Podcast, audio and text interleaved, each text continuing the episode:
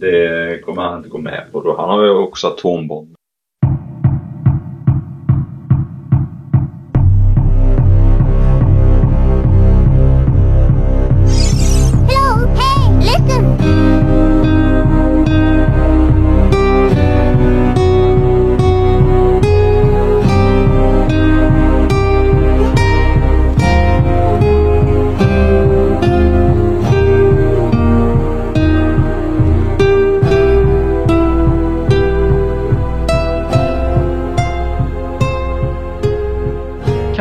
Göra så liksom? Får man göra så?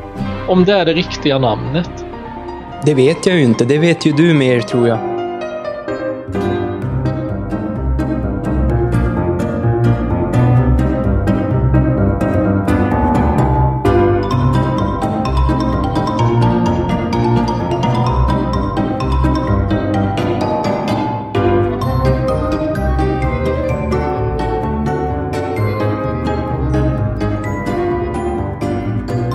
Hade gjort mordet alltså. Ja. Skrytit på Flashback om när han hade mördat någon. Polisen använt sig av det och hittat honom i Libanon så hade han blivit utlämnad. Och dit. För I Flashback så länkar de ju ofta till de här pro- protokollen från... Eh, Lexbase och... Det jag har funderat på också är, får man, typ ibland står det ju sådana här aktuella rättsfall. Typ vem som har uh, slått ner någon eller liksom, och då, då länkar de med namnet. Så skriver de namnet fast med stjärnor. Men man fattar ju vad det är för namn. Ja. Kan man, kan, man, kan man göra så liksom? Får man göra så? Om det är det riktiga namnet? Det vet jag ju inte. Det vet ju du mer tror jag. Ja, men jag vet inte faktiskt. Men det, det är så märkligt bara. Ja, det brukar typ stå, jag har sett det där som om det skulle stå Mulla Krekar och så är U med en stjärna. Typ, jo, så står det typ Sven, Sven, stjärna, stjärna, son. typ, så. Men vart vem det är liksom. Och så står det personnummer också ibland. Varför skriver de inte bara rakt ut? Eh, Jag tror inte de får den, men jag vet inte varför. Men man får tydligen. Nej, okej. Det kanske är något, något juridiskt. Men, men om, man vill, eh, om man vill vara på Flashback mycket för att liksom lära sig saker, hur fan ska man sålla bort information? Du kan ju väldigt sällan bara lita på vad som sägs. Men eh, du kan ju dubbelkolla det med en annan källa. Eh, jag kan också kan du bara kopiera vad de har skrivit och googla det. ja, Här finns en intressant. Hur fan blir man miljardär om man har en vanlig lön kring 35 000 till 45 000? Omöjligt miljonär kanske du kan bli men inte miljardär. Nej.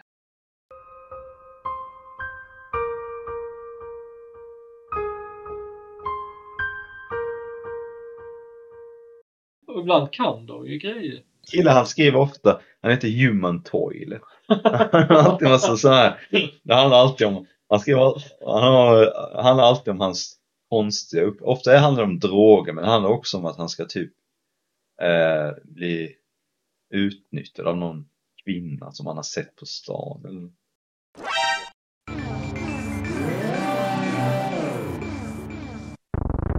Om du först tar en iskall dusch, då kanske det blir lättare att ta ett iskallt bad sen. man, här, man härdas. För det är ju liksom, eh, Härdning.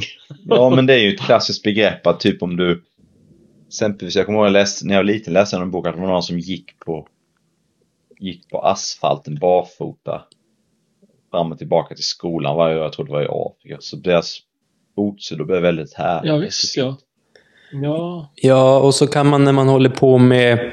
Jag höll ju på med thaiboxning ett tag. Då fick jag förslag om att man kunde ta en sån här trärulle och rulla den efter benen liksom. Men jag- det var ju också någon Ja. föreslog det. Jo, men jag, jag undrar också om man kan härda sig psykiskt. För nu pratar ju folk så jävla mycket om PTSD och att man typ, man har trauma och grejer, men kan man inte tänka att om man har varit med om något jobbigt att det gör en starkare? Måste man, det känns som att folk har siktat in sig på att man måste bli svag för att man har varit med om något jobbigt. Ja. Typ man ska inte ha några problem alls. Så fort man har problem så är det ett så stort problem. Ja. Kan man inte se det som att man blir hårdare? Jag tror, man- jag hoppas att det är så. Jag vet inte om det är så, men det känns ju som att om man har varit med typ om en jobbig sjukdom, låt säga att typ man har haft ont länge och så blir man frisk. Då är man väl mer förberedd inför framtida jobbiga saker. Det där är ett jävligt intressant ämne. Jag tänker på till exempel fobier liksom med... Det vet jag ju att man kan lära sig att utsätta sig Ja. för att, att bli van. Men, men eh, frågan är ju när det, om det blir destruktivt. Liksom. Man kan, jag vet inte om man ska utsätta sig hela tiden Ja, för saker. Men det är ju som, jag är ju rädd för bilkörning egentligen. Ja. Ja, Och det, och det och liksom, till och med att sitta i bil kan vara jobbigt för mig. Du är rädd att det ska krascha. Och... Ja, jag, jag tänker konstant på att eh, man ska krascha, ja. Ja, det... Eller att man blir fast eh, och måste ringa bärgare och sådana grejer. Och så tänker jag på det liksom ganska ofta. Och så händer det aldrig, men det återkommer ju hela tiden. Och jag försöker utsätta mig för det, men det blir inte bättre liksom. Så jag vet inte riktigt den här KBT-grejen, vad syftet är med det liksom. och utsätta sig hela tiden för saker som Ja. inte händer i praktiken menar du? Ja, jag sitter i bil hela tiden, men det blir inte bättre. det blir inte bättre. Ja, KBT, vad, vad är det för någonting? Är det att man utsätter sig för ångest och sen ska ångesten försvinna av att man har vant sig eller? Ja, exakt. Alltså du, du utsätter dig för det, det du är rädd för, sen så märker du att det inte är så farligt. Det ska ju liksom vara skiteffektivt säger de ju, men jag, alltså jag har ju gått till sån KBT och det funkade ingenting. Säg att man har ångest och samtidigt gör grejer, då säger de att ångesten inte är så dålig att det begränsar en. Ah, Det, är när man, det är när man slutar göra grejer, det är då man måste typ eh, använda KBT för det liksom. Det finns ju sån här agorafobi, du vet att man är rädd för torg och grejer. Just det, torgskräck. Ja, och att man då pissar de ju på sig liksom. Ja, fy fan. Ja, och det, det är ju väldigt märklig fobi egentligen. Det är Jag, ju... jag kan ju fatta att man inte gillar spindlar, men vad är, vad är det skrämmande med att vara på ett torg liksom? Eh, du menar att det inte har någon logik? Nej, det har ju ingen logik alls. Och det har spindlar då, då för att det är någon sån här överlevnadsstrategi? Ja, jag tycker det. Då har ju inte flyg heller någon eh, logik, för det är inte ofta ett flygplan kraschar. Nej, nej i och för sig. Fan, det är... Flashback tar mediciner liksom. Tror ni att det är politiker som sitter på Flashback? Politiker som skriver under pseudonymer för att påverka folk? Typ Jonas Arsonius.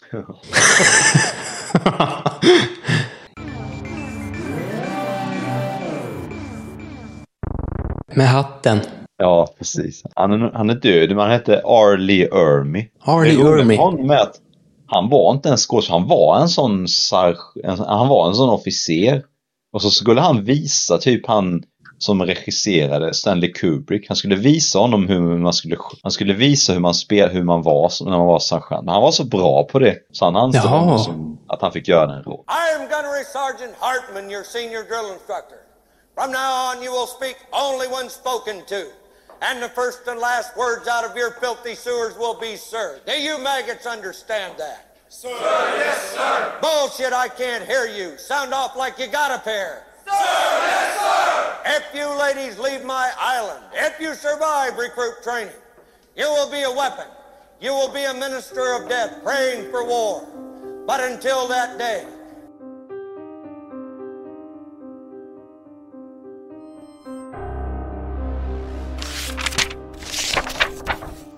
Kapitel 13 i källaren. Många dagar efter Manas expedition ner till staden började plötsligt ett inferno utanför hans fönster. Han satt och tryckte på toaletten i sin fåtölj och läste Jurassic Park medan skottlossningen startade. Den fortsatte timme efter timme. Snart hördes skrik och klagan, skrik som klingade bort. Mane vågade inte röra sig där han satt i sin fåtölj. Han hade känt ett hopp den senaste dagen då manskapet utanför hans fönster- minskat i antal. Det kändes som de var på väg från hans lägenhet. Det var i grevens tid då han började få slut på mat och sömntabletter. Ölen var slut och han drack nu så långsamt han kunde av en av hans sista whiskyflaskor. Men det var svårt. Mania var nervös.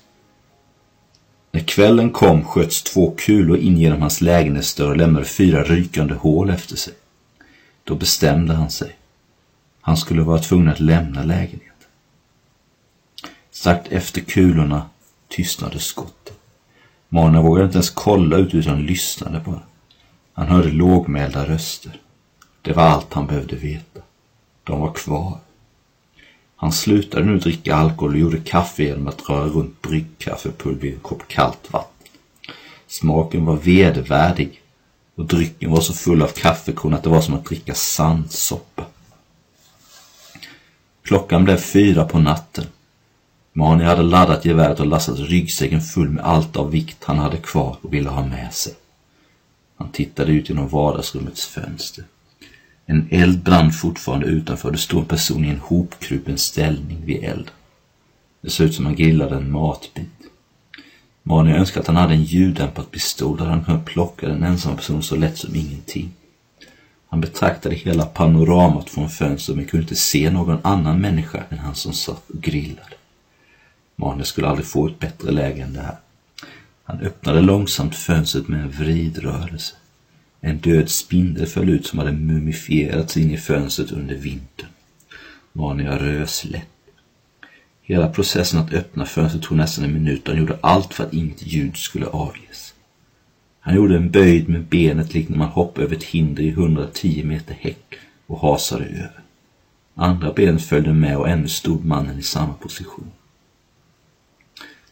Mania satt nu också på huk en lång stund och det brände i benen av mjölksyra. Han hade tappat mycket muskelmassa på sistone. Mania började gå långsamt åt vänster med samma rörelse som en dyngrak fyllehund. Mannen vid elden ryckte till och började hojta och skrika. I samma stund sprang Mania som en gepard mot motorvägen framför honom. Springande fötter hördes bakom honom på avstånd han inte kunde uppskatta. Många springande fötter. Han flög över vägen och det kom otroligt nog en bil körande på vägen med helljusen tända. Den styrde mot honom och han gled undan i sista sekund. Uthoppade två personer rusade mot honom och kunde lägga i skada mängd som kom bakom honom. Han hade varit en talang inom löpning som liten, klart att springa en mil på runt 40 minuter. Men Mania var otränad efter så långt stillasittande. Han fick mjölksyra smak i halsen, mjölksyra i benen och andningen ville inte lyda honom. Hans rygg värkte. Manias fart minskade och situationen påminner om de drömmar han ofta haft som liten när han sprang och sprang och inte rörde sig ur fläck. Manen kastade ett getöga bakåt. En man hade brutit sig loss från de andra och kom med en fruktansvärd hastighet mot honom. Han tog in på Man. Inom ett tjugotal sekunder slog, slog något in i honom stenhårt bakifrån och han tappade den lilla luft han hade kvar. Mania fick en ficklampa i ansiktet. Han såg plötsligt en pistol riktad mot sig från en man med mössa och helskägg samt som en större grupp människor anslöt runt omkring man. Mania satt nu i källaren i bostadsområdets tvättstuga. Gången han var placerad i var möblerade med rör längs med väggarna och taket. Han noterade att han inte kunde höra de betryggande ljuden av sålande vatten och susande ledningar. Det var kallt. Oväntat kallt för att vara augusti. Det rådde nu inget tvivel om att värmen var avstängd. Hans händer var fastbundna med handklovar i ett element bakom ryggen. Till höger vid gången slut såg han nedersta trappstegen av trappan som ledde ovan jord. Den var som en gläntande port till himmelriket, så nära, men ändå så långt borta. Paniken ville inte infinna sig trots att döden eller ännu värre saker väntade. Det var som att all stress och oro hade runt av honom nu när inga beslut spelade någon roll längre. Vad som skulle hända med honom nu var utom hans kontroll. Han hade förutsett den här dagen när han varit fångad som ett djur i en fälla i sin lägenhet. Förutsett sin panik. Men nu ville den inte infinna sig. En detalj hade lugnat honom. Det fanns flertalet kvinnor i gruppen som tillfångatagit honom. Det verkade alltså inte som att det var någon renodlad våldtäktsgrupp. Skulle det verkligen ha kvinnor i sådan sekt? Sen kom han att tänka på fångvaktarna i Ravensbrück och Irma Grese och var inte så lugnad längre. Han hade under sin underjordiska tid med morbid fascination läst allt om förintelsen han kunde komma över. När man talar om trollen står de i fastun. En lång kvinna i hans egen ålder, kanske något yngre, med scarf kring huvudet med ett hårt fientligt uttryck i ansiktet klev in i gången och fokuserade sin blick på hans ansikte. Hur många har du dödat? frågade hon med norrländsk dialekt. Han, en dialekt han alltid förknippat med trevliga människor, men denna röst var hård som flinta och lät anklagande inkvisitorisk. Han kände sig mycket förvirrad. Av alla scenarier han spelat upp i huvudet hade detta inte varit något som ens kom nära. När han tvekade talade kvinnan igen. Jag omformulerar mig. Hur många uppskattar du att du har tagit kål på under dina expeditioner? Du kan lika gärna avslöja, det finns inga domstolar längre. En person kan inte längre välja att tiga. De advokater som överlevde har blivit arbetslösa. Domstolarna stod tomma och övergivna. Han sa det på ett så lugnt sätt han förmådde. Jag har aldrig dödat en människa i hela mitt liv. Enbart insekter. När jag var liten ryckte jag av alla benen och vingarna på en fluga och kollade på när den dog. Det är det värsta jag har gjort. De valde mig att förhöra dig för jag ser snällast ut. Vad tror du de andra kommer att göra med dig? Du ser inte särskilt snäll ut, påpekade Mania. Det var det som var min poäng. Vad det än gör så är det med en oskyldig man. Jag har gömt mig i veckor för gängen i min lägenhet. Enda gången jag lämnat min fästning sedan bomberna föll var för att samla proviant. Hon skrockade föraktfullt. För fortsätt du att lajva oskyldig om du vill. Det finns ingenting annat att göra här än att förhöra folk. Vi har inte bråttom. Han gick sig iväg med hårda fotsteg. Mania tänkte att han inte skulle ha velat bo under henne. Men hon hade rätt i att det inte fanns något annat att göra. Han studerade omgivningen. Vita väggar med vattenledningar slingrades i linjer över väggarna. Element, gruskorn på det knaggliga golvet. Dörrar som lika gärna kunde varit på Merkurius. Så långt borta var det för en man som satt fastsurrad i ett element. Hans tankar snurrade kring det lilla hon sagt. De trodde att han var medlem i ett gäng. Men det var något som inte stämde. Om de letade efter ett gäng, varför skulle de ha samlats här uppe i ingenmansland? Varför inte nere i centrum? Såvida inte hela gänget som de trodde att han var medlem i låg och tryckte här uppe på olika ställen. Återigen, det fanns ingen mening att oroa sig. Han skulle tids nog få reda på hur landet låg. Han lutade huvudet bakåt mot ett mjukare plastrum men visste redan att chansen att han skulle sova i natt var minimala. Utan sömntabletter. Och alkohol.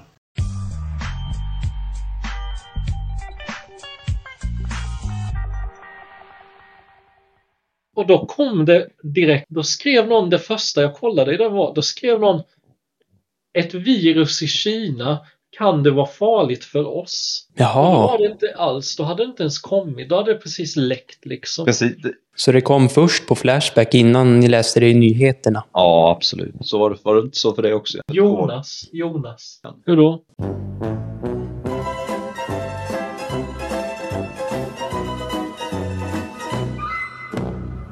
Jag, jag tror ju Flashback kan vara bra. Undvika de största trådarna. Och sen så är det ju lätt att hetsas med i den här stämningen där. För extrem i din trådsort så kan den ju tas bort. Men är det för mycket mellanmjölk så är det ingen som orkar svara. Jag tror aldrig jag har haft en tråd som har fått...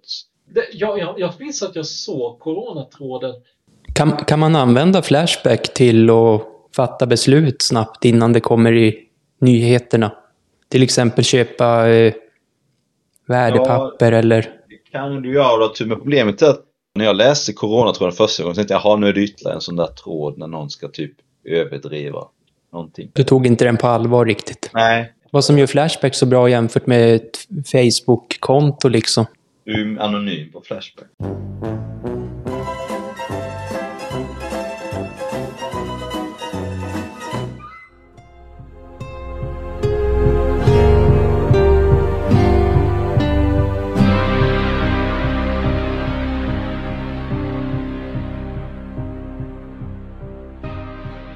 Har ju någon bild att man typ är på fot eller är, åker omkring och, och sånt där. Men jag vet inte om det är rätt strategi liksom. total kollaps så lär det bli så att folk kommer ju åka ut och börja plundra och, och råna. Och om du är bor ute på landet i en stuga lär du ju vilja ha beväpnade. Sen bör du nog gå ihop med grannarna också och ha någon form av att ni skyddar varandra. För att det kommer första folk kommer göra när maten så är det att de kommer ju att bli desperata och så kommer de ju att kanske vanligtvis är kriminell så blir man kanske det i en sån situation. Ja. När Ja, det här eh, Rysslandkriget började så blev jag typ livrädd. Så då var jag nere och kollade skyddsrummet typ. Ja. ja, just det. Du var och kikade där lite Jag grann. Kikade, typ. Tänkte jag, här får man snart vara, tänkte jag. Jag vet inte, jag känner mig inte rädd för krig just nu, men det känns ju som... När, om det väl blir krig så är man nog rätt uppvarvad. Jag tror att, att ha ett litet matlager hemma som med rätt nyttig mat kan du alltid ha för att om inte det blir krig så kan du långsamt äta upp det ändå. Ja, det finns ju såna här äh, Jag vet inte om ni har sett såna här... äh, Det finns ju vissa i Sverige som har varit med på olika medier som grävt ner mat på olika platser och sånt där. Det däremot är ju lite... Känns ju lite mer... Sjukligt. Nej, men det känns ju som att om det inte blir krig, då har du ju liksom... Men det här med krig kan ju också gälla en epidemi. Om det typ blir någon uh, ny coronagrej eller om det blir något nytt. Så kan du följa samma strategi. Att du, men gräva ner, ja det kan man väl. Om det håller sig bra så kan du gå och gräva upp det och äta det. Ja, man tänk, jag tänker ju på det där ofta liksom med, med förberedelser generellt och sådär. Och, och frågan är liksom när det tippar över till att det blir ohälsosamt förberedande och... Och du köper typ... Ja, men du köper typ... Eh, 100 chorizo-förpackningar och fryser in. det är liksom... ja, Ja. ja, men om du bor på landet så kan du ha en jordkällare. Det är rätt vanligt. Men ja, man vet ju aldrig liksom. Hur det blir. Man kan ha en älgstudsare. Vi hade älgstudsare. Vad tror ni rent fysiskt om vart man ska vara då? Ska man liksom gå ner i någon jävla jordkällare eller ska man sitta i lägenheten eller Men ska om man det, är hoppa in i en om det är bil? flyglarm måste man ju vara i Ja. någon jordkällare. Men om det, om det inte kommer några attacker så kan man ju vara i huset liksom. Ja, där har jag ju funderat på det där också att eh, om du är i ditt hus och det blir totalt kaos. Då kommer ju folk börja bryta sig in i lägenheten för att ta grejer. För att det blir ju djungelns lag. Det blir som den här serien, vad heter den här nya serien där de... Den du tipsar om. Nej, inte Silo utan en annan. En annan typ. Menar du The Last of Us? Ja, The Last of Us ja. Där går de ju ihop och kämpar tillsammans ibland ju. Ja. Och sådär. Men det dör ju en i varje avsnitt liksom. Ja, okej. Är det någon sån här... eh, jaha, de går ihop alltså? Ja, men då är, där är det ju liksom att det är såna här köttätande, eller inte köttätande, men, men det är lite zombies ja. Carnivore. ja. Men du har ju koll på, på, eh, på historia. Ja. Hur har folk reagerat förut i, i krig? Alltså, jag tänker på... på eh, ja, vad fan tänker jag på? Jag tänker bara, eller jag tänker bara generellt. Hur, hur har folk reagerat? Även såna här, eh, vad ska man kalla det, som inte är u-länder liksom. Ja. Hur har man reagerat? Rationella grejer, eller har man liksom gått bananas? Men typ, oftast typ så är det typ något som händer mellan, ibland är man ju neutral typ och så händer någon grej som typ Pearl Harbor typ. Mm. Och så plötsligt är man inblandad i kriget liksom, helt plötsligt och det blir kri- krigsförklaringar och sådär.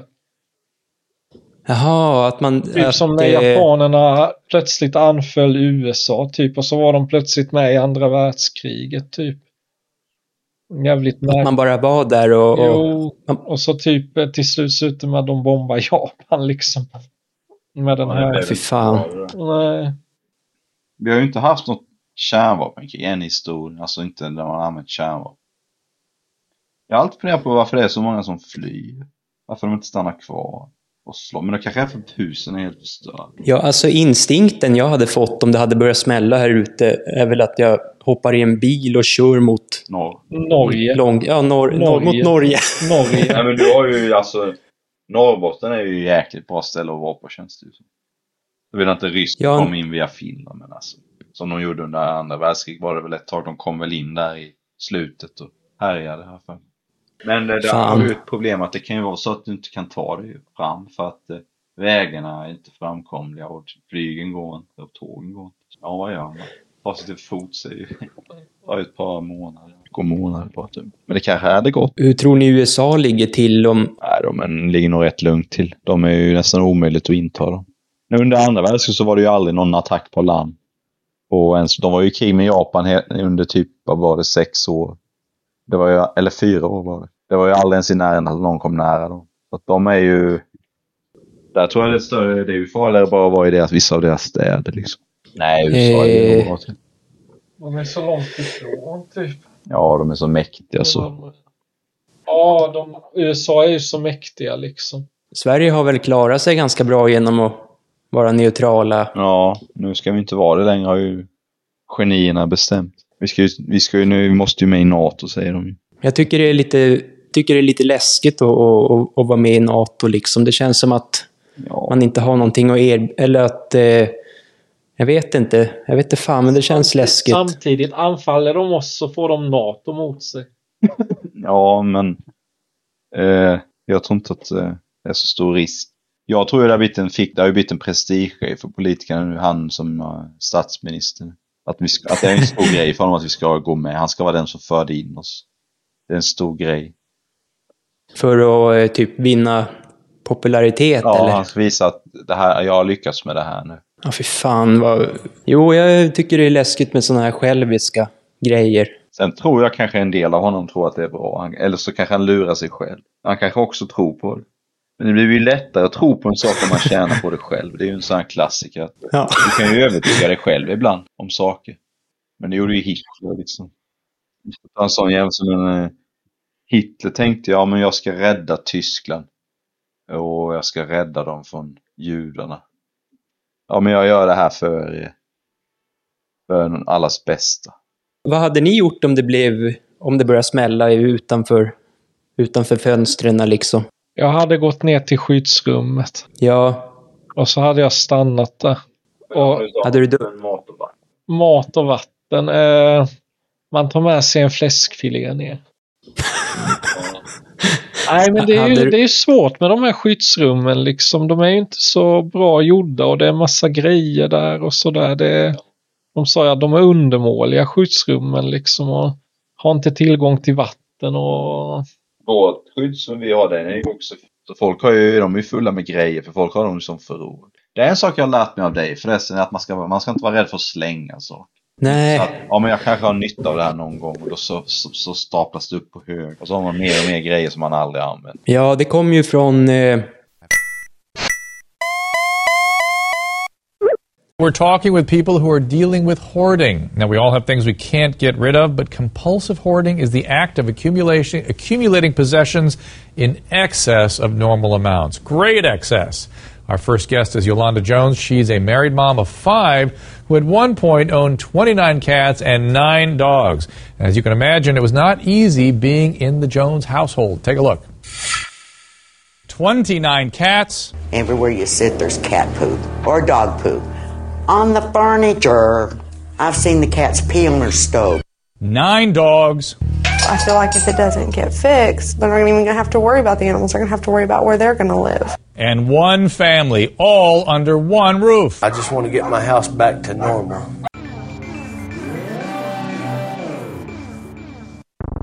Och så säger hon, ska vi gå till toan? Och då går vi in på toan, men då blir jag så rädd att hon ska anklaga mig för våldtäkt. Så jag blir livrädd.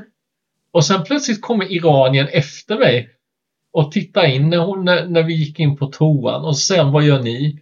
Och så säger nej, ingenting. Och sen avbryter vi det hela. Och så går hon ut. Och så, och så undrar jag fortfarande, vad är det som kunde ha hänt där? Vad var det jag missade?